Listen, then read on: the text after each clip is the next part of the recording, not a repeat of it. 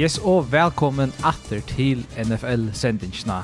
Vi tar vekk uh, i nægra viker, men nu, nu er vi datt for gutt, sier vi. Til Mikael Kvalt, vi sitter her i stodet nå, i Saltengara. Uh, vi skal si at sendingen, hun vil eisende sendt ut av Spotify, så kjøtt som, som tilber. Um, ja, vi sitter her i stodet vi Peter Hansen, og vi tar nekk at jeg kan sammen om. Det er jo Till nästa vecka. Ja, till nästa vecka när nästa skier och playoffs har kanske sända klara ut för Onkeli. Det nästa prata om. Det ser det kommer tant in Arn här man hickar mera fram efter mot kus för shoot the playoffs och så det här bullar det mer, mer tydligt i allt för. Ja, det som som vill jag vara vi att blir börjar för natten Thanksgiving. Thanksgiving var första stad. Så nu är säsongen officiellt börja. Ja. Thanksgiving uh, vikskiftet, nekv, uh, det är stort en väldigt skift på maten. Man sitter alltså höstkväll är det trudge det snära så man man långt klockan halv 6 och är inte det så att klockan 9 så är det snär Thursday night football distans till till matchen det vänder vi. Eh som när nytt är en Black Friday football distans nä som var som var tulja. Ja, det är bra. Jag går så vidare. Just när Thanksgiving eller så så hukt eller vanligtvis så har vi arbetat höstkvöld. Det är så snäck var det. Ta Thanksgiving gear och backa rost men vi arbetar hit. När vi får lära oss så Uh, vi arbetar hela hitcha och det var fantastiskt var det. Stabba så jag Packers vinner mot Lions Det var kört bara bättre. Det är raskande ja. Och alltså jag tycker den som den nätter är fint. Ja, det är väldigt att man får sprutta ut det Jag halta, jag halta det är faktiskt trend i hur vi på. Man gör det under corona. Man man mera för att ha för dags och lärdags. Det är säljer att som som europeer tycker att han också väl. Ja. Eh argument emot är ju att det här college football vi spelar. Det är akkurat det. Layer där skäller college football där. Och det är störst. Då hittar ja, nämligen amerikaner ett college football Atlanta. Ja. Så det inte på NFL dist i mitten här isen men in i mitten särskilt i december så tapp tapp leder snurr ankar sån distrikt här bit i mitten och är generellt ölla vi var där. ska ganska bara inte bättre att välja där gå det snär. Thursday night så är ju svårt att sälja gott det sista åren. Nej, men eh, när som någon gör så får man att något tulja flexa Sunday night football lyssnar och Monday night. Till att man tar sig om att flexa Thursday night football. Men det blir mött öl hörn kritik med landa i Iron Giants John Mara där så säger att kan man inte. Du kan inte flexa en dist som är Thursday night football. Alltså det är folk planlägger att komma till en dist en höst. Alltså du kan inte bara säga att en söndag eller så. Alltså ett Eller folk som skulle spela, dæst, vi får vikskiftstur till luksa der, vi får vikskiftstur til Los Angeles, hitje etter, dæst, en dysti her beint, og så knappt jeg så de spiller høstkvöld, eller så, så det, det kan man ikke ordelig, Jerry mot Asgården, hos jeg, Så det nej, det är nog nästa som är och fortsätter jag spela dösna här i Amerika så det är inte på lätt affär att hitta och så hvis man vill lägga en tur så kan man inte svårt på sig. Akkurat. To vi hava nekv att oss om eh att hur sort och Så listen är längre här bänt. Då kan vi bruka lite prata. Eh, men jag kallar det för det mer negativt då inte. Vi, vi har vi har haft det redan exgear. Och det som är själv, självet i det är redan en sån profilsgear, hela quarterbacks-gear som virkar som om att det här vi twittar i år, eller det här var där vi twittar i år, än det här var vi i andra år. Sen Sin regla, klart, man också ju att NFL er for en ekstremt nekv inn fyrir a verja quarterbacks. Altså, her er så nekv regler, her er så nekv ting man gjør for a verja spelare og for a verja quarterbacks og lukka vel. Nastan for. Ja, og lukka vel så blir det minst lukka nekv om ikke mer skatter enn der har platt jag ger eller så.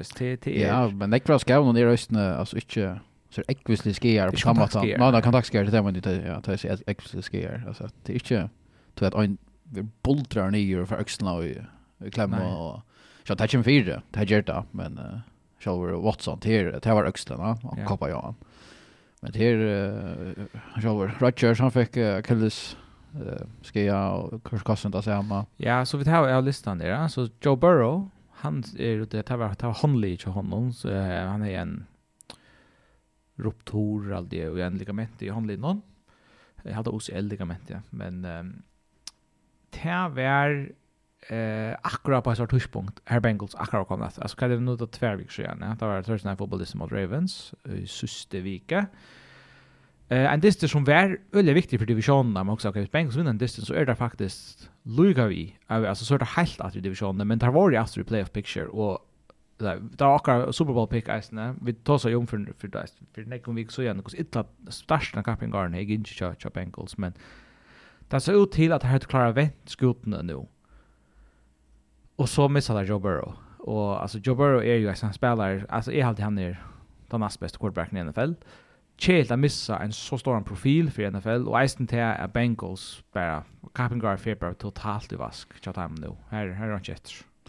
Nej, det kan man rådja sig alltid Här är färre, tar jag för två dyster upp till nummer 3 i Daltne och fyra till nummer 8. Jag hejdar Super Bowl, det var helt förberedd. Ja. Kanske nästa år. Um, En annan mer som du Sean, eh Deshaun Watson, då den där lucka här. Det var det var Öxlen som är så till honom och det var personen ska han han har haft i några veckor John Carpenter och så hemma till Jazz John vad ska vi move för att operera eh Ja. Alltså, alltså Öxlen. Alltså ska jag investera en odaljer till att vänjarna har ju sagt han är medical cleared till att spela och så kommer han köra till nu två veckor och lucka. Och han säger att alla agenten säger han var klar. Det var men en episode av en dist mot The Ravens här i han knappliga han inte spalt eller så. Han följde sig inte klar, men lagt han så att han var klar. Ja. Tog är det att tog spekulerar man ta om det var att land vi um, och det var att land vi uh, alltså contract negotiations så att mm. han var snökt ur ett la awkward här. Uh, men nu är han så uh, ute resten av året. Ja, som var det ganska så short att som att av värda sin sort diva ting att ja man är Luis Scott vi spelade för tem men men då visste han faktiskt spalt spalt i jöknen en en av Orleans ja och ganska past visst förklara också att det spelar någon som inte hur vi suveränt John då alltså vi, vi man kan säga nu färre kött ett helt Kappengar fullt alltså vi vi Deshaun Watson i Cleveland Browns alltså av distorna. Mm. Och det ser ut som den sämre Deshaun Watson som är Texans. Det gör inte men hetta Brownsley li er ett fantastiskt li. Alltså och till sälja värjan. Värjan är en ordentlig stärsk värja och det är faktiskt under med halvt är gosse gold här är det av värjorna. Och tar lite på nu i play alltså i, i wildcard uh, race här på. Och jag vill se att det hade där haft det Sean Watson all in. Vi har så värjorna Och också är det isen. Det inte mycket Nick Chubb isen Sean det. Ja. Han det Sean Watson vi. Så heter Liv Very en contender i FC. Det är just det slett inte det heter. Det kunde vunnit av Ötlon och en någon alltså en test winner takes all så hej är inte tumma väl av spalt mot time.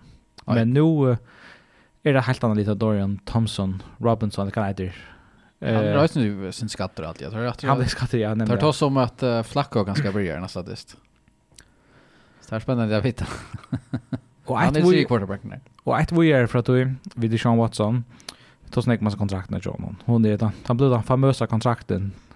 Fullt uh, garanterar 5 år miljoner kontrakten med John som man kan säga bläcker allt NFL-landskapet och lyssnar till ut jag panik uh, slät det. Knattlande var man bättre för att lägga för att kräva det samma och det här som så görs. Men ingen orla klara finns ju fullt, fullt kontrakt än men så står som den här kontrakten vi är så var han strukturerad på en måte att uh, att det första året verkar inte nek pengar och det nästa året är han faktiskt bara hur man ska bära ett capita på 9 miljoner dollar. Det är ju snäck han har ett mial capita på 6 miljoner dollar. Cap hit kommer nästa år. Det nästa tre åren har han 4 miljoner i cap hit. Alltså du vet 4 miljoner mer än eller 45 miljoner mer än det nu. Det är 45 miljoner dollar Browns hava minne nästa år till resten av linjen. Så tar gamla på ett år att vi är för vid det jag kan gallande och där hade raster till det, där hade momentum till det, där var en lie som man kunde suga för sig. Och nu är bench för det att det ikke för att uh, rycka seg lever alt men tar vet Om kan du för att sutja etter Browns liv vera mitteltopplinje och AFC med Deshaun Watson är quarterback-arbetet. Ja, att näck pengar och man ska väl kanske vara en öliga och GM för att uh, kunna komma runt om dessa pengarna och få ett gott liv. Talje, men uh, en är då tjejer fyra. Uh, vi står som det helt ger, alltså helt ger kvartsspel någon och sta välja stadig leverer. Så kunde ja. ganska stadigt snurra sig vi på kända plus. Ikke mulig. Det er vel mulig. Men til, lengt, til lengt fra en kjent i playoff til uh, Super Bowl eller Det er det. Det handler ikke om hva du gjør så du kommer inn. Det er akkurat det. Um, En annan quarterback som vi ska Daniel Jones, han sleit crossbandet mot Raiders för mot över tror jag tror jag vi. Han var och det var man ska det var så utlat hemma att han var han var akkurat kommen åter från en länge han är väl ute i fyra fem veckor vi en nackaskia. Första distans kommer åter. Spelar en hållag och slut crossband. Så det var en sån med eller var, alltså det var en kontakt till knä, det var det faktiskt. Men, men det sa väl snedigt ut, men hetta är ju hur vi max ja. I do very want år. Jordan Jones, men han är så gott nog bara spela fem dister, kan man säga. Här han har haft en gående dist och några katastrofal dist annars. Men i moder det ölja gående Leon, så heter syns som kvar skräll Rykten gänga i New York om att man kan omoxa er skiftande ut. Hvis du først er godt draft pick. Um, Særlig ta han får ut. Tala sa du til at Giants var en contender til enda topp 3 i draften hon, og kanskje hava möjlighet for at Caleb Williams eller Drake May uh, i draften hon, og at han mulighet ikke var for god til å si nei til. Men uh, altså, Dan Jones hever en 23 million dollar garanteret på sina kontrakt i de neste 2 årene jeg tycker ikke at man vil henge på att här pengar som dead cap it. Så du tror ikke vi att nästa år så spiller han Giants. Han är han han, han skildan han er holdt trus millioner lock av cap it til där nästa år. Man kan ikke, altså han tar meg ju så Joe han som ser spelar så att vi där kan komma ganger, og hvis, hvis neste år ikke er ett bounce back year så så kan man se att ta farvel. Ja, jag tycker väl att the Giants fair är så högt draft pick att de kanske klarar att tacka de allra bästa quarterbacks som är då klarar att komma in som är såcha. Men det var vunnit Friday ja. Tackar det alltså så kommer jag kökt upp där har fyra segrar och här ligger Cardinals i två i mån och Panthers är in och Bears är i fyra och Ja. För er andra som kappast om jag ser först då kanske sex plåsne uh, och ta er där bästa nog färden. Men uh, det vet du han klarar sig. Okej. Alltså han har vunnit gradist för det kan. Han måtte være det større, ja. Vaks nok skrek. Det er det. Um, Kirk Cousins får ut vi en noen akillisene ruptor. Um, jag hoppas han får en Rodgers operation då, men... Klarar han ganska Super Bowl. Ja, det är Att det är, alltså det är inte faktiskt alla chilska. Alltså att det är en quarterback vi utskia, men att det är en quarterback och en playoff contender, att det är ju det bara eka, alltså det är på ett mega nek, tror jag att det er ikke så neglig i NFL som er ordentlig god. Og jeg halte at Vikings, vi, Kirk Cousins, er jeg godt li, og det er Jefferson har vært ute, og så fikk Kirk Cousins ut. Nå kommer Jefferson så godt nok atter, Justin Jefferson, men uh, det er ikke som sier jeg at dette Vikings li er faktisk, det er bedre ut enn Vikings li fjør, selv om det er Vikings li fjør vann ikke av dyster, men det er sånn, ja. Helt fluka där vunnit och tatta dyster. Hon atlar och tatta. Ja. Ehm ja, till till Eisen sån Jalen Joshua Dobbs och Josh där åt Schulevel. Han tar trade så fyra han tar från Cardinals. Ehm och han vann så halvt svarta första snö första ja och så kollapsa allt sin där som man fick för interceptions tappade got 12 touch och ja men ja tar vi en vill ju säga och i NFC och och det är bara ringt att söka för sig att Joshua Dobbs ska för att att göra om sig i playoffs. Ja. Så det är glätt. Ehm um, Mark Andrews, tight ends, Char Ravens, han är ice new til verden, nå minns inte om det var en Achilles. eller hva det är det er han breit og knupp, altså bøyne ja. ut og nere parten av føttene, og det var enda tacklingen. Det var tås om at det, en av vel tås om at bandet av tackling nu i mycket man kan henne. Nemlig hip-drop. Ja, hip-drop, Och det är et eller annet vi man teker, och så Vad är det som rycker alltså? Alltså är det att du blackade jag på in? Du hala mannen ny, alltså vi har haft någon halar han ny. Ja, men det det tar som jag undrar undrar mig bara till att man hade en rugbytackling i England det så tar jag spelade jag ganska för bara här. Då så att du gör det här och det var alltså en ex vi gav en säkrare tackling än något annat. Annars boltrade du nu där så gör den här tackling. Och hit två då där ni vi alltså då tar få ofta in i 2 3 yards. Ja. Säkert jag vet inte hur skulle jag säga men det var spelare men Det borde vara en exekrar ju en utan att du röjner att göra skit som onkel lägger den här mannen och ja. gör att han fick två spelare skatter som var yeah. Det var Mark Andrews och var det Lamar vi har lyft ska igen i minns Det var två två spelare som är över. Men uh, Mark Andrews är sjön den bästa receivern by far som uh, som Ravens har. Ravens som lite öliga väl för nummer 1 i AFC by nu. Knappt missar Mark ja uh, Andrew Lamar Jackson misser eh, sin bästa sin bästa vapen i alla någon och te te får man inte då tycker vi att man alltså i Baltimore Ravens så knappt igen är det styrken nu vi vi har varit lite vikna vid on så det är sen så sig dem kanske Annars ska jag till er Anthony Richardson quarterback rookie quarterback till Indianapolis Colts som är ute för Arre. Eh här har vi så Gardner Minshew kom in och spalt rattliga väl och bara nu lite koll så oj oj oj en wildcard plus vi så det är inte gott att lägga så det kanske inte är så negativt. Vi hade det sen pratat om vi sa det här att är vi till det faktiskt är koll så bättre ut vi Gardner där gjorde vi vi Richardson så ja tills det Ja, men ju är Som ska jag öppna upp för er spelare släppa in och spela. Och det är det man kan sucha Richardson spelar han. Jag tror så att Rocky blev skattor. Ja. Fjärde dysten eller vad det är och spalt øyne eller ångan, høylandist, han ble alt, han var ut kvar for. Ja. Det var en dist som han satt ute fullt, så det er sin kjelt allukka alt, han er tre valgte quarterback i Orsens draft, ja. det skal vise seg fram. Det er det allukka.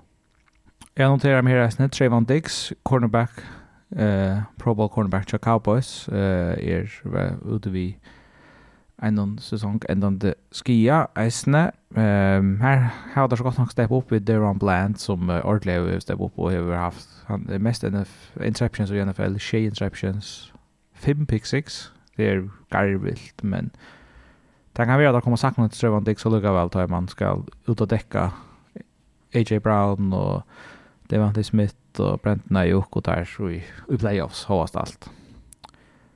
Enda vi en positiv tänker. Aaron Rodgers, nevnte han, der aktiverer hans her 21 day practice window i Jets. Det sier Aaron Rodgers for å vennja at nå, eller han, han er cleared til å vennja, og der her var trodde viker til å sette han, å aktivere han, eller sette han innat av rosteren her, fra injured reserve. Ja.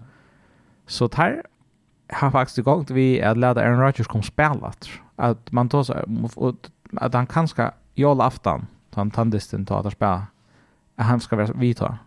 Det han själv sagt det. Också där han kommer in och vinner för det då. Jag laftar. Men det är sen löja lugga väl. Man kan säga Kapten Gar är ju Marla men färdig ut har det helt säkert färre. Jag tror att två tror jag distrikter att sätta en man in han ska förhasta vi en skia. Där kan man gå upp då så nervös för så man kan undra sig hur fort det gör det. Men jeg halte simpelthen at Sverige er så stort som at tog til til Aaron Rodgers vil. ja, jo jo, men jeg tror ikke øyne det er nekker venner som røyner dette som nekker reiv. Ja. Altså, jeg vil større spille på hentet maten resten av Arno, så er det lyd chanser sjanser for jeg vil sitte at det er som menner standa at han fyrir the play sheet nästa år. Om ett live stadion. Men uh, vi Rodgers inne, Mr. spelar väl utför det styrt ha. Alltså all upp spelar väl. Ja, Värjan spelar väl. Det kan ta inte ta från men det är alla uppe som spelar i Lento. Så kunde det ganska eh så jag fram till att uh, vi har vänner jag just nästa alltså Salla och och hacket shot mig hade kanske hackat borde färja då gal. Eh eh det har visst sig annan. Han färdig kyrka.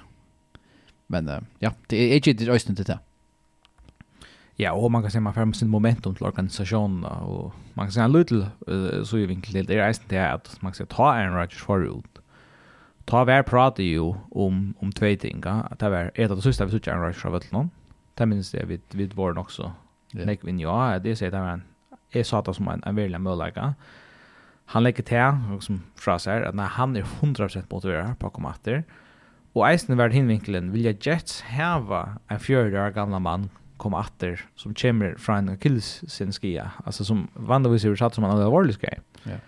Og her han så viste det, jeg er klar, er i atter, du skulle ikke omhugsa affæra at uh, jeg skifta meg ut eller sette noen annen ned til å komme kapast til mer. Så det er nok mer at han fyrer du, men, men risk er det, for selv om sant så blod skatter kan man säga, man fast han atter han færen skia.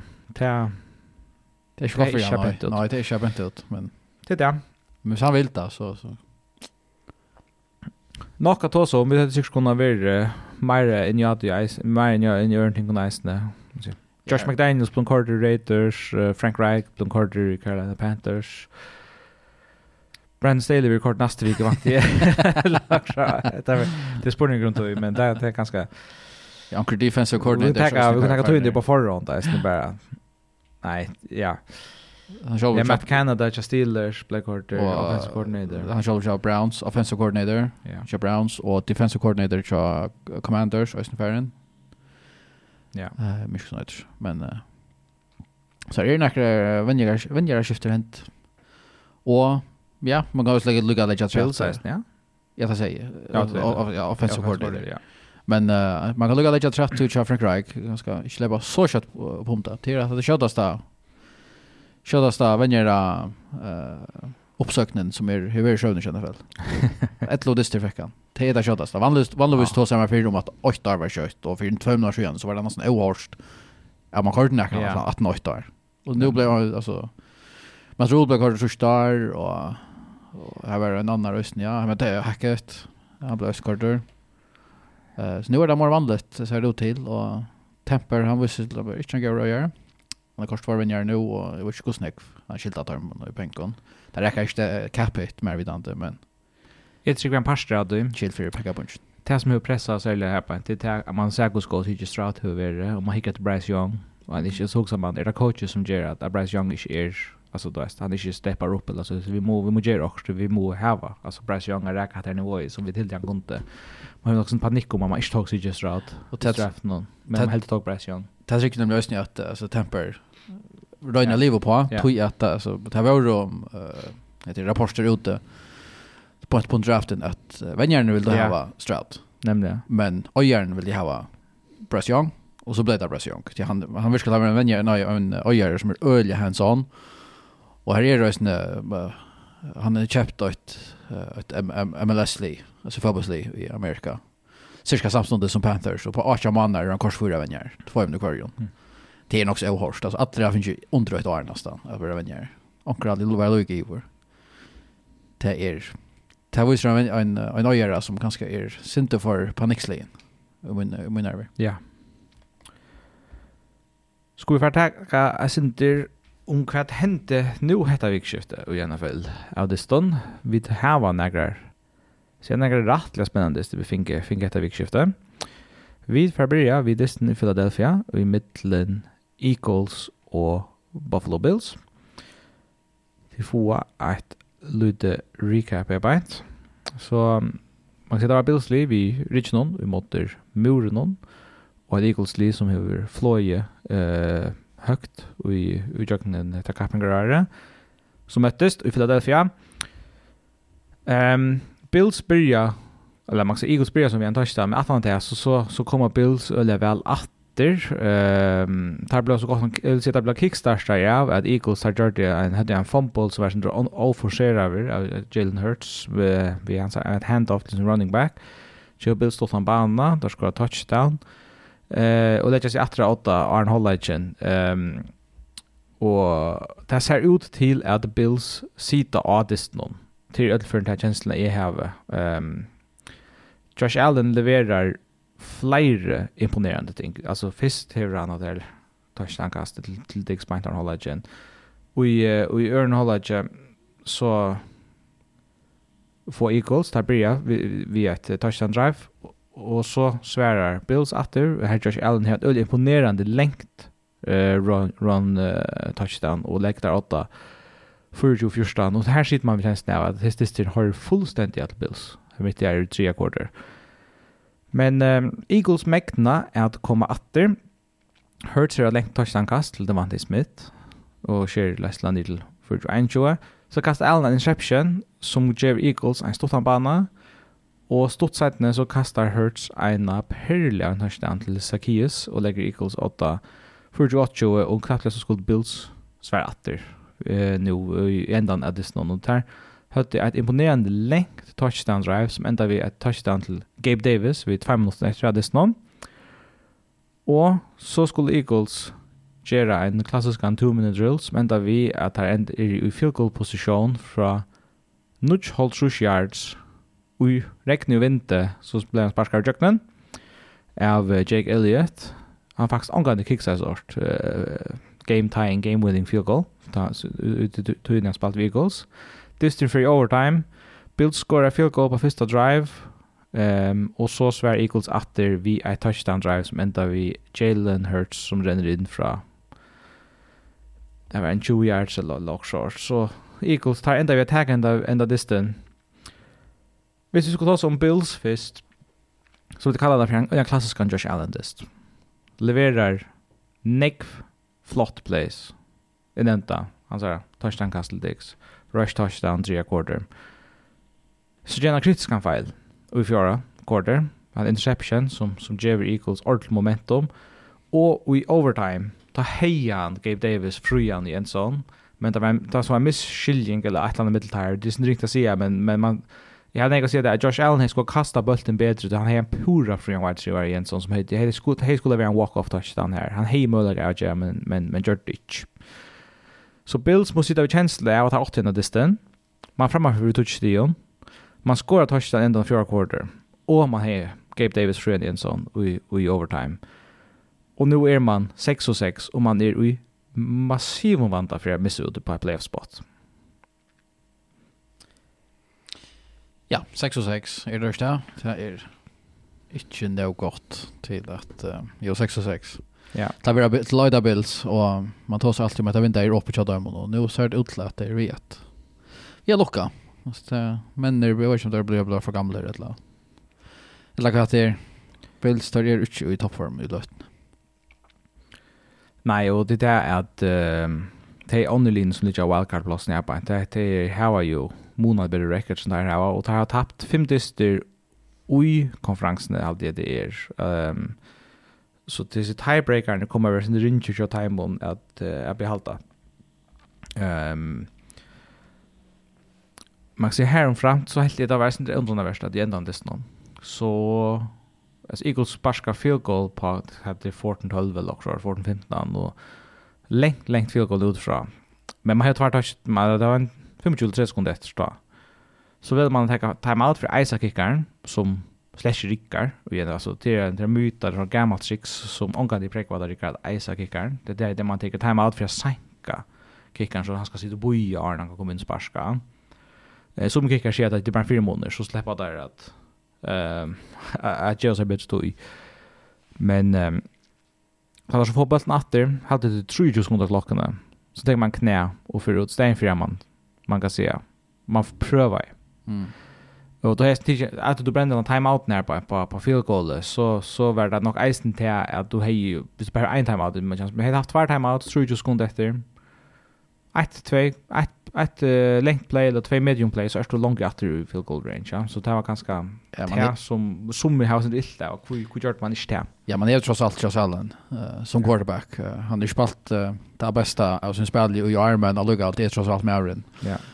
Så han kan han kan föra det fram och kött han är en gunslinger hvis han vill uh, och sen räcker det in så är, är han uh, en av de bästa så det är en undrunarvärst ja en annan som sticker som är är undrande värd det är det här det har onkan till vunnit det i overtime. Vi kör shell. Okej. Allt det sex eller shit, noll eller noll till shit helt där i overtime. Men hårdast allt, LCA alltså från här så är för jag försvarar dem. Du första utbana och motor till som ligger nummer 1 i NFL. Och du du spelar en time och då fortsätter djupt ut i i alltså och du borde jag vunnit den. Så det är sjövande man kan säga det är så galet. Det är bara att man är så desperat på ett nu. Där skulle nog ut att vinna minimum fyra av nästa fem distan och bara för att ha en chans att komma i playoff. Där skulle nog vinna de nästa fem. De nästa två distan i Chadamon till er Chiefs och Cowboys. Hetta vi öliga ringt, men uh, vi suttar till här. toppnivå i Bills, det er høgt, vi det kjenner det, men botnivået er bare så forferdelig lågt, og det som kommer plava her, til det man jo tappte mot Jets, vi, uh, hun selv om, uh, altså, det, uh, vi første snarere noen tar Rangers ut, og Zach Wilson kommer inn, man hever tappt imot Patriots av Øtlenlien. Patriots, Mac Jones, mm. altså, som er det her sammenlige. Uh, og så har man ja, tappt mest mot Broncos, och nu är man, nu er man desperat. Hinvein, skal vi stå som Eagles. Uh, Jalen Hurts, et ja, at det eisen, altså han visste at det er storspill, og han er bare, altså, en attervendende, altså, clutch spiller. I storren distan, og jeg avgjørende løten av distan, så viser han bare at han er en solid spiller. Og han er fører for litt av sitt nivå, ta, tar han rundt og og tar Eagles av brug. Han hever jag vill säga att, att han, han blir preka för mer, mer mer mer. Han är mitt allra bästa quarterbacks i NFL. Det är till er kjolt. Alltså, är är nog den sista männen som har som kommit till Jalen Hurts touch av Ödlund. För att gå till nog flera grunder till det men uh, han han hever fortjent virring, kallt jeg. Jeg halde han er 100% en MVP-kandidater. Altså, inte överraskande han, han vinner MVP. Um, och Man kan säga Eagles tar vunnit mot Cowboys, Dolphins, Chiefs och Bills. Och så spurningen, Peter, är, är Eagles det bästa livet i NFL? Kan man säga något annat liv på nu är bättre än där? Nej. Nej, hvis... Uh, hvis jeg selv var Mark Andrews var klar, så hei jeg passet til at Ravens var oppi her. Kanskje ikke nek bedre enn tar, men opp. Utan han, så nei. Uh, Nei, det er bare altså, good all round. Altså, det er, er ikke weak spot, tja der, men utan i alltid nekar ordentlig brillerer. Det er bare godt. En god, det er så jævlig god en brøyan bol som ja. gjør det så stabiler. Uh, utan så at det braga fram ut det som man ser om det gjørs. Ja. Altså, at Chiefs liv i Mahomes åtta gjørs. At det bare er det bare nekk best uh, til at alle oppgjørene eksploderer. Det er aldri ikke vi suttet fra Eagles, alle gal. Det er bare stabiler, og ja. det får urslitene. Men det är ett annat slä av li. Ja, det är det som är li. Än det här Chiefs-liv så från förra. Det är det fysiskt li, alltså linjerna, alltså det här styrkorna, det är den officiella linjen, defensiva linjen. Det är det speciellt, alltså man har så går, man så går i trenches. Och man flyt, man, man är alltid för att flyta bulten, själv har det gång grytla. Så är man stadigt för att flyta, då är man, alltså räddningsspel det kan köra. Där man finns ju Andrew Swift, det är ju just gam, och han är ju gåver till Diamond. Och då två ordliga gåvar, alltså särskilt AJ Brown är en, en ordliga gåvar, och det var inte smittra i snön. Så det är det lia, men eh uh, onkel som inte helt att det är det bästa lia i NFL det är bookmakerne tror jag det är faktiskt underdogs som hemmabana mot 49ers Sunday. Okej, okay, ja. Yeah. Um, men vi får ta oss inte mer om om 49ers att det är om man har luktla löte. Har vi mer hänt det sen? Eller ska vi hålla fram och göra? Ja, allt. Yes, nästa vi ska ta oss om, det här var ett divisionsuppgör i AFC South. Ehm um, Man ser vi det nok ikke sju tog at det var en divisjon som skulle fære at, at komme vi, vi nekvar spenning så løs inn i inn i et her uh, kappingarare, men District Middle Texans og Jaguars var knappligande en ordentlig man kan säga circle game alltså man måste sitta ja runt om tandisten tror jag att uh, Jaguars low och Shea och Texans low och 6 og 4, og Texans hadde langt dist åren, og hadde Texans som i hendet disten, så det er for boi Jaguars, og de fremste divisjonene. Um, men man kan säga, i mån till så syste Ferris färgsblin mötte ta i Texans tar det var en blowout, så var Jaguars det bättre livet från, från, från början av. Det kom 8-0. Texans där får sig touchdown Arn Hollagen, eh och då ger det till 13 13, det ble 13 3, og i begynnelsen tre akkorder så kom Texans 8 vi et rushing touchdown fra CJ Stroud. Jack var svær at vi et uh, touchdown two point conversion til Calvin Ridley, til som man åpenbart kallar for en octopus, lærte jeg, i Red Zone, samme spiller skårer uh, touchdown og og two point conversion at han var. Ja, det var spes vi hørte hjertet. en octopus. Eh, ja, ja, i kjøla vi på det. Ehm Jaguars får ett uh, field goal och såg ut till att ha avgjort det i fjärde kvarter. Där är för ju förstan. Brenna så där sätter field goal. Här ordentligt har möjlighet för luckan men uh, Texans ger ett öliga flott comeback. Först så är CJ Sprout kastar ett touchdown till Nico Collins till Furju. En jo 5 minuter efter.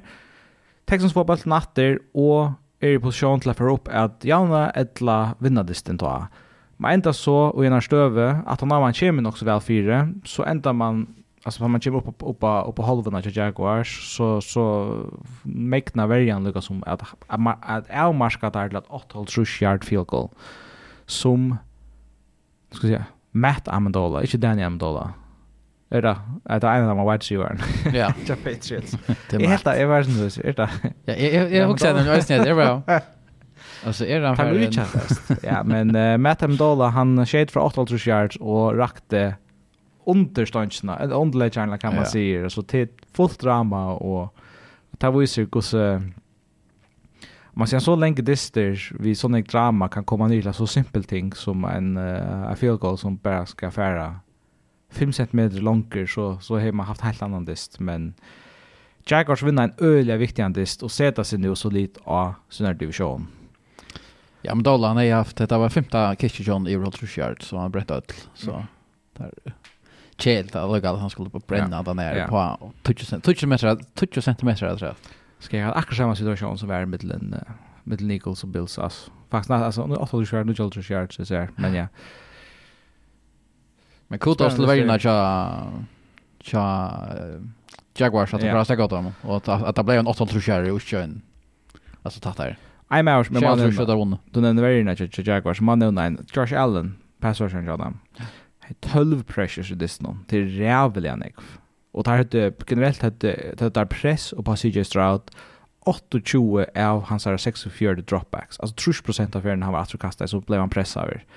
Det är svagligt högt. Alltså det är en av de högsta i NFL. Det är Ta vist her at uh, når Jaguars var er ganske, hun er ganske sindre undervurderet. Man husker ikke om verden, man husker om, om Trevor Lawrence og, og det offensive våpenet som der her var, men, men uh, verden, hon man kan si, lever alltså steppa steppa upp i i perioden av disse noen, och med annat så vill säga vi har ikke haft är ser uh, som säger så sändningarna några veckor men CJ Stroud det som han har leveret för Texans særlig de siste vikene. Det har vært helt fantastisk. Og dette var eisen en god distransbalt. Han har en køst som var uh, absolutt on point. Jeg nevnte han pressa over 30% av henne kasta. Jeg lukker vel, så kommer han av sted. Vi 300 yards. Tvei touch, altså tvei kast touchdown og et rushing touchdown. Han har for året 3236 passing yards, nummer 2 i NFL. Rookie quarterback. 19 touchdowns, nummer 6 i NFL, og har bara 5 interceptions som er det näst minsta i NFL av, av, av timen som är största, nekvadister. Det er helt otroligt hvor så god han er. Altså, som man, man, man ser ikke rookie quarterbacks komme inn og er så god. Och jag vill säga, altså, jeg kan spela til om du samtidigt men jeg har aldri når jeg ser en rookie quarterback komme inn og vara så god som CJ Stroud. Nei, ikke som jeg minnes. Altså, når vi ser finns ju fyra gamla så kanske jag sett mig lite sen imorgon idag, men nej, jeg må gjøre det rett. Nej. Uh, här är inte några som är bara lugga så klart om. Som kom inn og gjør det så, mm. så større mån på näve. Vi har så som, ja, kanskje, til Sean Watson, derfor han var inne, han spalte så inte fullt der, han slet crossband som rookie år, ja, det var annars öliga gott och Dak Prescott hej godt rookie år. Det er ikke det kraft godt år men altså, han hade hade roligt. Ja. Och jag vill säga att ja, være så länge som man säger det. Att jag håller CJ Stroud är helt helt i toppen av MVP-fältet någon. Ja. Tror jag att uh, alltså jag kan där töl ner bänt. Jag håller han är bänt nu är det jag har ringt via har i mitten han, Mahomes, Jalen Hurts, kanske Dak Prescott. Hesir är eh hesir spelaren. Ja, jag hade nämligen här ranchen som orkar skära fram ju. Alltså tar det för som har spelat väl. Og hvis Texans kom playoffs, så halte han her et ekstremt størst argument, for han burde være MVP. Og det er, det er absurd å ta som det, fra en rookie quarterback. Han er, han er opp ned okken, det må man sige. Absolutt. Yes, vi færger til neste listen. Um, Seahawks tog og imot 49ers av Thanksgiving night, må man uh, nok kalla det. Um, en divisionsoppgjør mittelen et forregningsliv som är ganska være svingande och og eh och ett Seahawks-liv som var nøkelunda samme det som tar för vår fjør, och en sån dyster som är nok så viktig för divisionen det på samma mata som, det er faktisk akkurat som förstegt som vi hindes någon att uh, forregners var tjej och troi, og Seahawks var 6 og 4, og tar høyt Seahawks hatt møte hver forboi, forregners hvis det er klare å vinne denne dysten, men uh, For Niners tar, sier at det er dominerer dysten, ur en enda lin, Ehm um, Hollækstøen er 4-3, og man er kanskje omgatt i ordentlig i hva. Ødel for ikke fyrre hollækje om at for Niners er klost det er lie. lige. Det er så til at tre quarter altså alt det drive drivet til for Niners enda ved pick 6, har Brock Purdy kastar bulten, altså ikke for högt til Christian McCaffrey, her han er presset over sin egen sånn, og så enda han hentet en sykleikere som renner inn til ett touchdown. Seahawks var touch när field goal nästa drive och så är det 4-13 och man blir också okej okay, kan är det comeback vi så ger men men uh, Brock Purdy lookar formellt till det vi ett uh, ett nog så väl placera längt touchdown kast till Brandon Ayuk i mitt i eller i början av fjärde kvarter till 31-13 och sett så punkt på ända disten. Elo är Brock Purdy momentum med där. Uh, nu ska jag ta en resumé från från från där man eh, senaste veckan kan man säga men eh, Prestis nu alltså Brock Purdy 200 yards, en touchdown, en interception. Han vill säga han har flera goda kastis nu, men han styr all upp nåväl till dem och han han är Jag hade man man ser bara men han är han har så gott kontroll och kväll ska hända och det är kreativa plays när jag kan känna han blir att att då bättre operera till och man ser playbooken öppna sin mer upp kanske än man hever hur säga eh i början när han säger karriär men så här så att det är en skyvkast som för en pick six. Men fyra år Joe Brockbirdy för att ta det jag den han börjar vid fem öliga gången här är även alla listener 1200 yards, 90 touchdowns, ongan interceptions av fem listener. Så knappt lene, så händer ett eller annat och Fort Niners tar tappat trutja distrar ja. Och han spelar ordet illa här trutja distrar. Alltså han på där trutja distrar han 600 och 2000 yards, trutja touchdowns och fem interceptions. Och nu har det så, så man kan säga sista två veckor så spelar han ordentligt gott åter. Han har på sista två distrar 600 yards och 6 touchdowns. Hesten distrar nu er, snett nok han distrar, den första distrar nu er, han har en interception och där startar kvinnan. Eh, jeg halte det er rettlige forberedelser, så man tar seg om Brock Purdy er et urslit av systemet for Niners. Det er det som er motargumentet til honom. Man tror ikke på han, tog at, for det, ja, det er ikke han er et, han var Mr. Irrelevant, sista pick draft noen. Men da han har spalt ytla, tar for Niners tapt. Og det halt är faktisk er verst å byta merke til, at man ser tar det stedet han ta her for Niners vunne. Nei, ta her distan her for Brockwards spalt vel, ta her for Niners vunne, og det distan spalt ytla, ta der tap. Hetta er en øle mialdister, der vinner Luka vel, og der dominerer stadig Luka vel. Men et eller annet sted viste det seg at her er en avvis avhengighet som for Niners heva av Brock Purdy, eller for en sånn som du ser ut til å gjøre i år. Så det er, ja, det er alltid man ska, man ska liksom notera seg eisen till att, att, at uh, hvor så viktig han egentligen är för for det der. Och spurningen är alltså det som han så syns den vi dömde på till till att han ger playoffs. Det heter för Niners är man kan säga roster är den bästa i NFL vill jag säga. Och så är det quarterback positionen. Är han en man kan säga en en wonder eller är han en en ordentlig god quarterback. Och jag vill säga det att allt som han visste han är en Louis i NFL.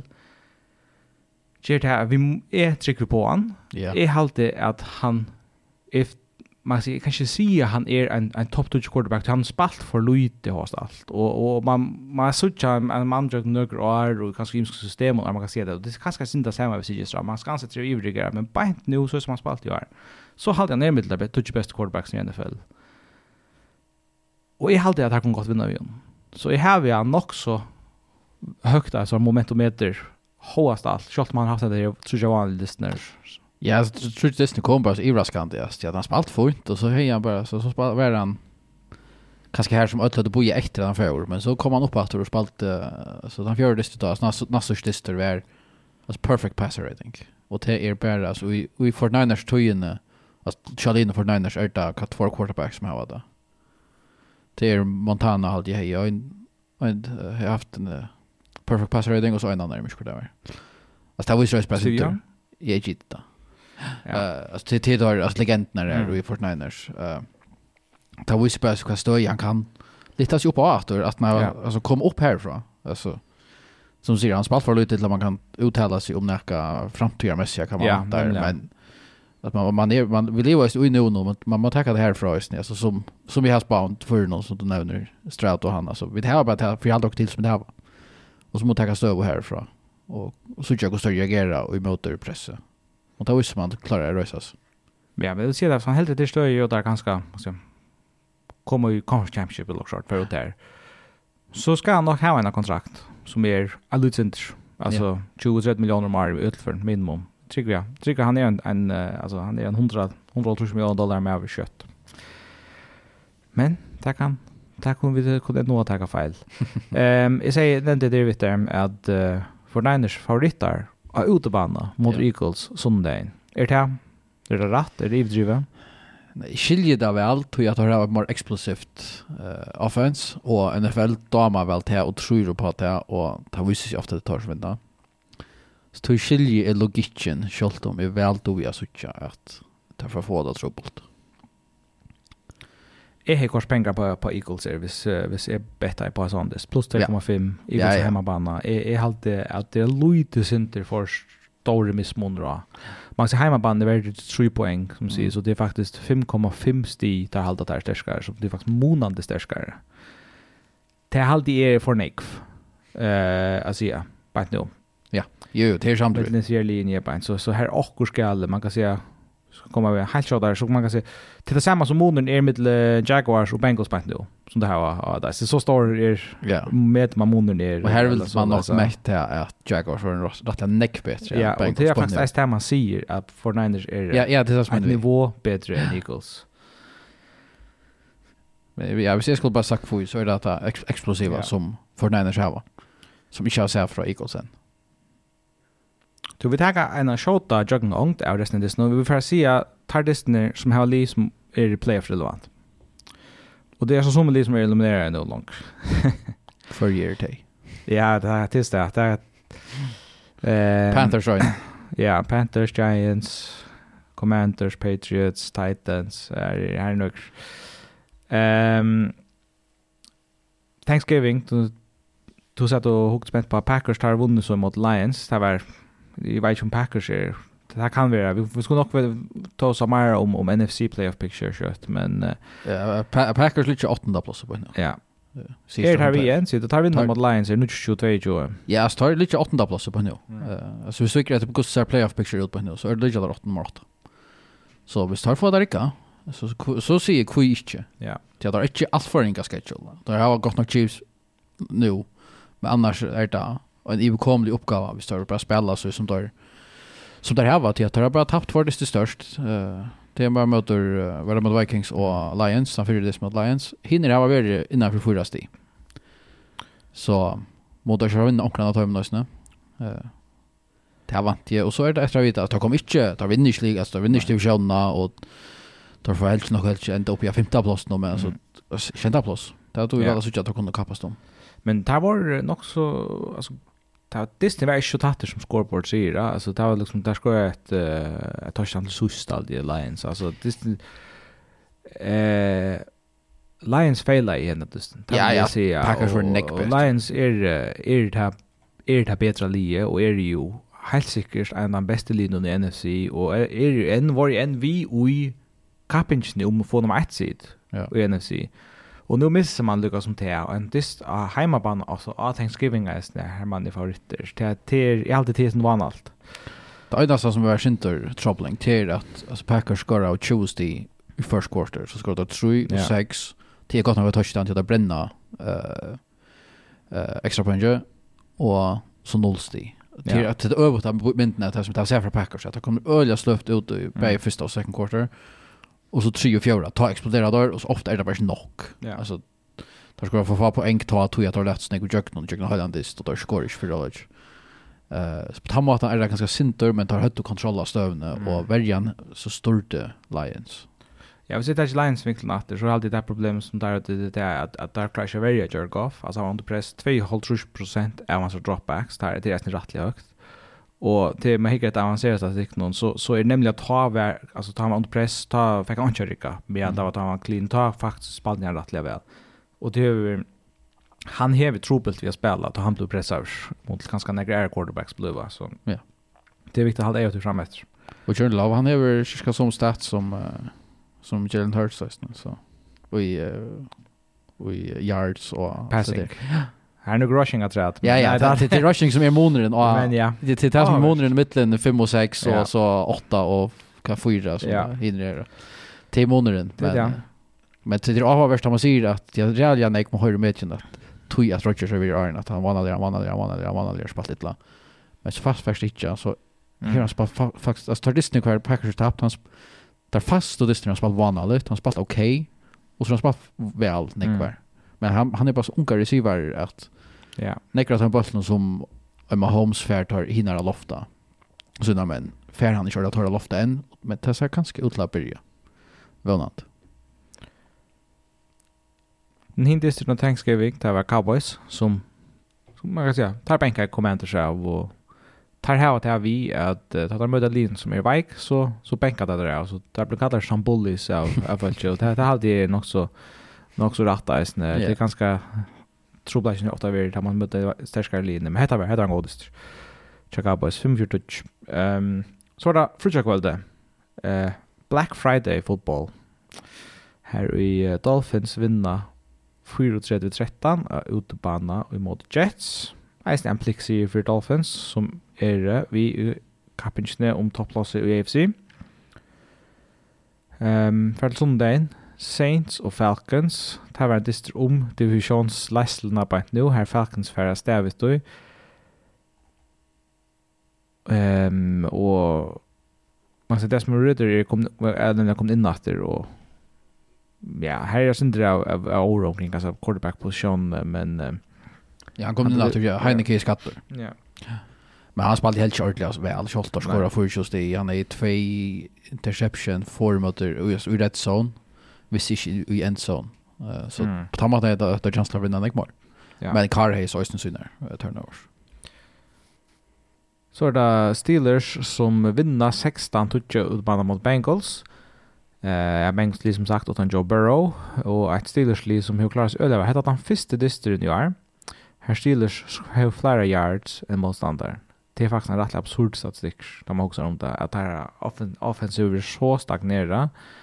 Och nu ta i där har korsen offensive coordinator här i, i vikna så knappt så spelar Kenny Pickett en superdist och Pat Fryer mot där Titan han han hej kan han vet torsdans, eh tar ut för en uh, månad så spurningen är om om här är när går just styr så upp någon så som bant nu så är det är det den en enorm väglash shot han har all upp Ja, där har spalt allt annat än väl och Matt Canada har haft sutt um, så en arbeta toy. tog. Det er vet om nästa mer rettene klarer å att öppna upp för Ja.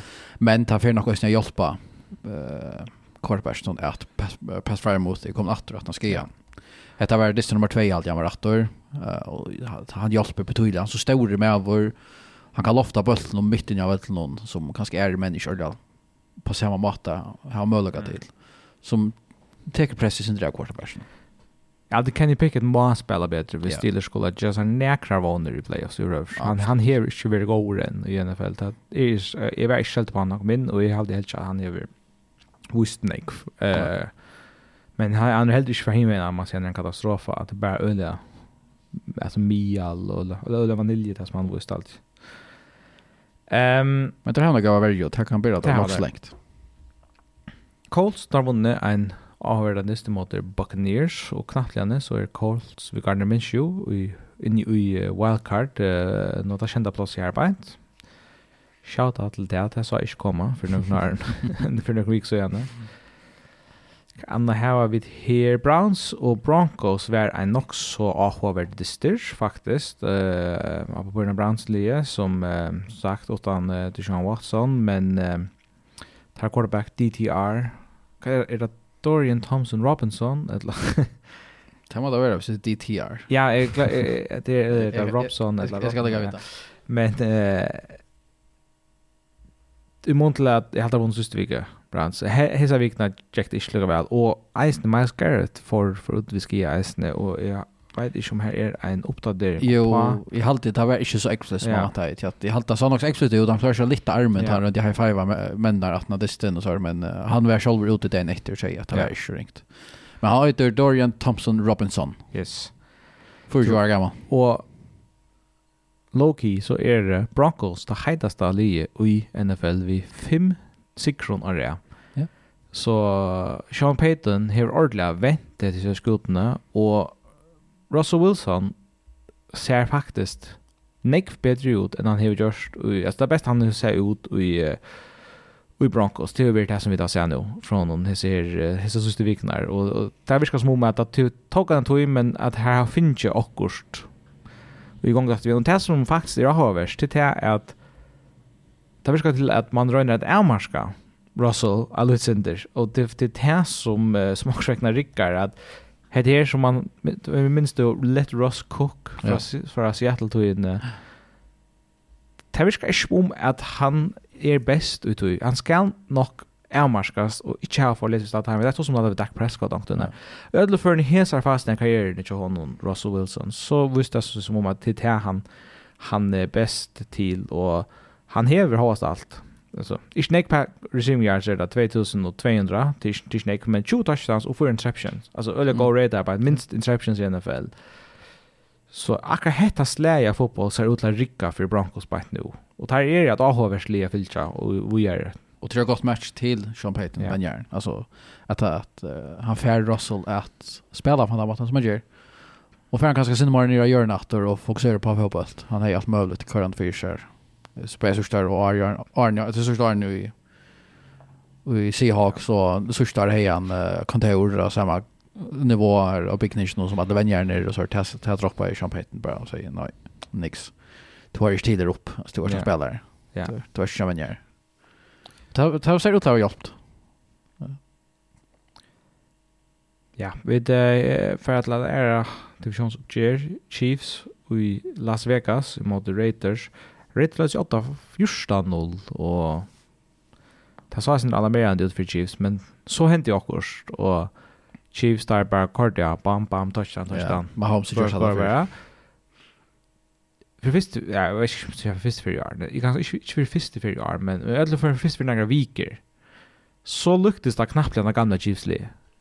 Till Chiefs är ett liksom har haft mer en identitet av att vara ett liv som över eh alltså starka värje och man tar snäck om sig på det blir så störst problem alltså receivern Charge Chiefs? Och där sjuste tror jag Disney så att det ska skora ett sti i Earn college det är en svaglig statistik för sortlig att inte skora alltså och att där hade de sig tjej att de sjuste åtta quarters eller eller också alltså det det var pura vilt.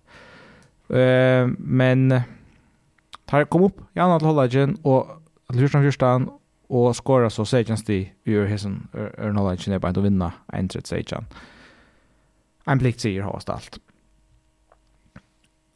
Gott Ravens og Chargers spalte Sunday Night Football. Ravens vinna 20-20, og det var nok eisne til for hette Are Chargers vi måned playoff uh, contention, mamma sier nu Og me en Ravens tar tar uh, ja, tar lite nummer 1 i UFC och det ska jag säga det är att jag har alltid kallat om så nog så anemiskt ut eller man säger så så syns slappt ut. Det var inte en pene dyster fra fra tar så i helt men det är så gott att kunna vinna sån dyster mot Lyon som har så att det är helt vanligt.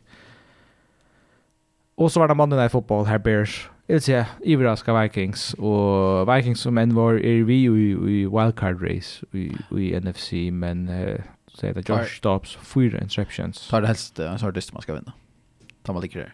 Ja, det är det. Ja, fyra interceptions uh, det är uh, inte något gott om man ska vinna men jag at hötta chansen tar en annan. Jag vinner det till ja. men play calls blev öliga konservativt och det är ju lätt att sända bollen till uh, Beersatter och tar mig knappt alltså. Mm. Ja, nu till några spännande. Vi får ta ett en översikt av AFC. För hitcha efter playoff picture. Ehm um, och vi måste börja vi AFC. Vi tar vi tar NFC nära vecka. Det tror jag att uh, det är hamrande tatt. Det är ja. det. Det ser spännande ut. Vi tar för att läsa upp i ett så för det som som uh, kanskje ikke helt inn i det, hvordan konferansen er skipet er i måned, og hvordan playoff picture er det. Det er kjent av fyrre divisjoner. Divisionsvinnerne tar topp fyra sidene, og så her var det hin, av alle hin linjer som ikke vinner divisjoner, så det tror jeg beste records, det kom i wild, wild uh, card, uh, eller til, til wildcard li, kan man det, som jeg skal være, så kommer tjej league playoffs. Det første li, nummer ett side, det er for vi er, beint til ære rundt det Men hinner sex linjer så spelar Disters internt om att komma vidare till, till Ireland som heter för Divisional Round. Så det är en uh, näck på spel. Man vill gärna ha honom ett sida och det är hackra sida du hever. Det hackra sida har alltid hemmabana och du hever sannolikt en lättare motståndare.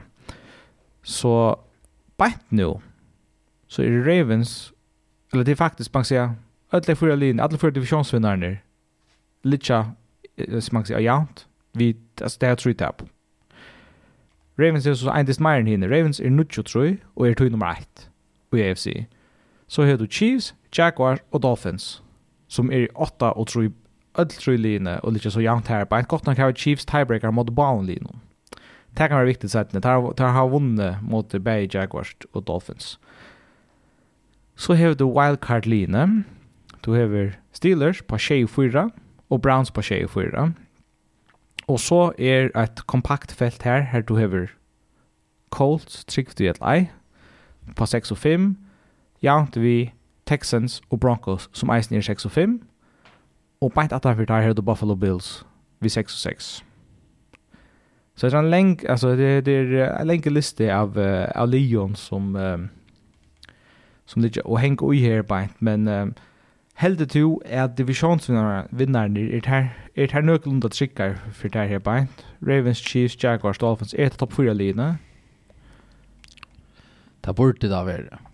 Jeg vil si at når jeg Jaguars, han mot Texans, han, han tryggja time og nok. Alltså det, skal, det kan gott genga gale, men i roknar vi at, at det är nok til at det nok mest under press. Ja. Dolphins, jeg vet ikke, alltså det er mot Bills enda Iron Arnon, og skulle det hänt seg så kunne det gått tapa til at Bills kommer ha tiebreaker mot Diamond, men, men jeg vant ikke at det er klar innhentet Dolphins. Chiefs og, kom, og Ravens kommer til å takke seg. Det, det tror jeg sier nå. Ja, Ravens har spalt så mye vel. Jeg tror ikke Steelers klarer ikke noe. Selv om de tar øyne og overrasker på så i måte. Så ja, vinneren tar vera nok til Romo. Uh, det var spennende at suttja... Men hva helt før vi nummer ett side? tryggaste jag ser Chiefs. Ja. det är det tryggaste. Uh, men alltså, det är bättre att ta täckt och sövna vi och allt det här. Mm. Oha.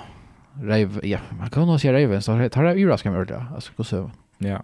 Och så väntar spela. Dolphins ösne, men tar det ösne haft det ser utsvinchne. Som uh, man inte gör, man inte stålar på det. Um, så jag ser Ravens alltid. Alltså, ja. Ehm... Um, Det var det jeg tar i byen av dem. Ta, ta gjør prisinsentingene. Ta sier jeg at Jaguars var en contender til å være nummer 1. Mm. Siden. Jeg håper det er schedule sin der. Ta hava Bengals uh, neste uke. Og så har det eisene Box, Panthers, Titans. Det er fyra dister som der greier favoritter. Og så har det en dist mot Browns. Browns som är halta är halta bättre än Browns där borde vinna och det här min mitt mittelnärbart i vik Manhattan, en disse mot Ravens, som er en øyelig stått til dyster, yeah. som kan bli en sånn som er avgjøren. Jeg halte Jaguars heva leiene til att ta kan om ett sitt. Det är väl raske. Det är väl öjligt. Så jag tror att det är helt seriöst jag tar liksom nämnde att han kunde vara möjligt. Eh men uh, jag bara ser att jag haltar är där men jag tycker vi är alltså ska man ska man gå ut så på prata så så är Chiefs nog för att ta den här bänt. Eh Edla Ravens. Men Jaguars är en outside där. Jag har Luis in the Ravens och Dolphins gör det. Det må jag säga. Alltså, yeah. men jag ska inte utlocka det helt helt. Hvor helt, men vi, det kan himlen säga. Er det er det at du sier favorittene i AFC? Er det her? Rims Chiefs eller hvor, hvor er det är inte i Super Bowl eller ja. Det er favorittene, men det är vel så där. Tar bara det där tar bara. Jeg tror ikke takk at det är med til Nej. Eh på nu, men jag inte så. Det er NFL alt kan hente. hända. ikke en given Sunday eh tar vi så så start i Russian det som vi tar som på nu kan hända. Så inte väl Jaguars kunde vinna en dist i en playoff. Alltså med öna öna på onklarna. Ja, ja, ja. Så slå Chiefs ut alltså men det ska aldrig gå just nu Chiefs kanske spela sin vanligt. Men det är absolut spelarna till det. Ja. Jag alltid att Jaguars li hur ekvilja explosivt. Där finns öppnat upp för några mål som där kanske ordet hade sörst där vi vi Ridley att han tar sig sin fokus han kanske inte Jag vet hans stjärna som han hoppar på men uh, han han tar ju fokus från varje och tar öppna upp för uh, Say Jones och Christian Kirk att han få stadväck få på där. Uh, Tar som bollen så funkar sörst där. Ja, och igen hade ju verkligen varit en en en stjärnavax running back. Ja. Eller undervärderar han han är en av de topp 5 running backs i NFL i år. Ja, gör sig om sig det Nej. Hur faktiskt vi öliga går. Det blir ofta blockas något med till någon running backs när det är till bäst just. Ja. Jeg halte Chiefs är favoriter, hvis jeg skal si. Ehm, det halte jeg man må gjeva til han, han, han like Lutten, alltså bara att att att tar här var vi här fer att han fer att han fer. Alltså det syns det är det fem år är det att AFC Championship game har varit i Arrowhead. Ter, det är alltså vittlösa stick. Alltså Mahomes har varit i Championship game första år, han största. Ehm um, men, men det är ju nummer ett sid kvar star helter. Alltså så det är här men uh, Ravens har hinven kanske haft a lutsen så John like kicks on där district playoffs som också borde haft haft klara vunna. Så är det väl famöst att det var nummer ett sitt senast Villa Mar, hans MVP och man täpper mot det, nummer sex i Tennessee Titans alltså som, som man nog sent glömmer att det var sin där fadesa på ett tag men jag hade det vi har som Chiefs här ja så är Ravens och så hade jag Jaguars, Dolphins Jaguars är det kyrka jag här på ett um, wildcard race. Här är det kan jag säga sex li som ligger bänk på hur ni är på ett Skulle du att Nej, du takker jeg sier. Steelers, Browns, Colts. Är det det som kommer playoffs? Nej, inte nødvendigvis. Texans och Broncos och Bills kommer. Jag tycker vi körde på uh, Bengals och Raiders. Uh, her er skjene for Ekvistlir och Raiders spelar bare nog väl. Uh, til att stanna distanserna. Altså, tar for å tepa for noen dister mot Lint. Ta som hinner för att vinna. Och Det är trick väl ju på Broncos nu. Alltså det ser ut alltså Verjan börjar ju första spela väl och att någon spelar i lentot och så börjar ju offense och öst ner i catch och hem. Texans är spalt väl att låta alltså så att Tasman kunde förvänta till att vara en contender alltså till playoff. Och det väl alltså just Stroud further i playoff. Fyrlöm ska Colts. Coltsley. Och så är det här om Browns klarar att hålla kadenserna uppe nu då. Det känns Watson inte gör det Så det är svårt när alltså med personalen har ju varit och tar stad och kunde köra det Tror där här var kanske bäst värden i NFL. Det är det som är. Eh så tar så där här var näkra latta disters och ska ju läsa här var där helt down to charge nog så latta distor efter. Då gör det bara att alltså quarterbacken ska bara täppa det snär. Ja. Det alltså han ska bara spela fint och så ska välja något klara rest. Jag tar er och så gå. Eh så tar bort då men det då väl nästan så att ta kunna. täppa. Ja. Nekar oss nere som kan gjøre om seg, gjøre et oppsett i, i første runde. Ta, ja, ta väl där hvis det er Bills eller Texans som kommer. Ja, ja, det er ja, så, så skal det her om man. Kanske kanske Broncos vi att han han häver mentaliteten uh, Russell Wilson. Uh, men så ska det nog efter att ta med tre mål för ordliga vara säker på att här kunde vi vänta. Men så hade Steelers, man ska omgå det skruva Tomlinson. Uh, men jag tycker vi kör på det. Ja, jag hade är inte samma samma spår som du. Ehm men jag är gjort att du man kan säga att är hitcher ofta på på quarterbacks när och kanske är nog för Nick för att ta kan gott vi gärna det Det var det här, Kenny Pickett, Dorian Thompson Robinson, Gardner Minshew. Ach, jag har ringt vi har suttit det här att att Browns vi alltså Thompson Robinson skulle halta hesir skansan uppe. Eh, men det är att här är det alltså här tvär dister framför Bills Lums. Ja. Alltså det är så nekv va. Ehm och Bills har några trubbel dyster Jeg, Är är är Browns det ut. Det är det ja. Ja, men det är så inte när man Texans klarar för få där åter. Alltså här bara inte stör. Och jeg har faktisk til å komme løsende vi, altså, en ball prediction er at ødel history wildcard lider dette ut, oh, wow. og at Texans, Broncos og Bills ja. kommer wildcard, i stedet for det, tror jeg.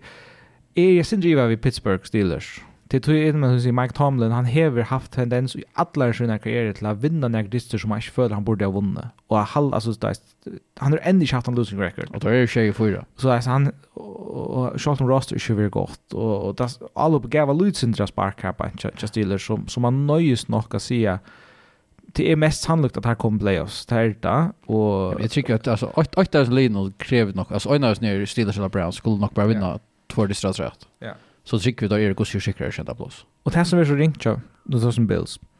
Bills hava, där har att där bye week nu, så har där Chiefs och Cowboys. Alltså det bara där tar boar där. Så är det ute. Det kommer inte är inte 28 i playoff. Mm.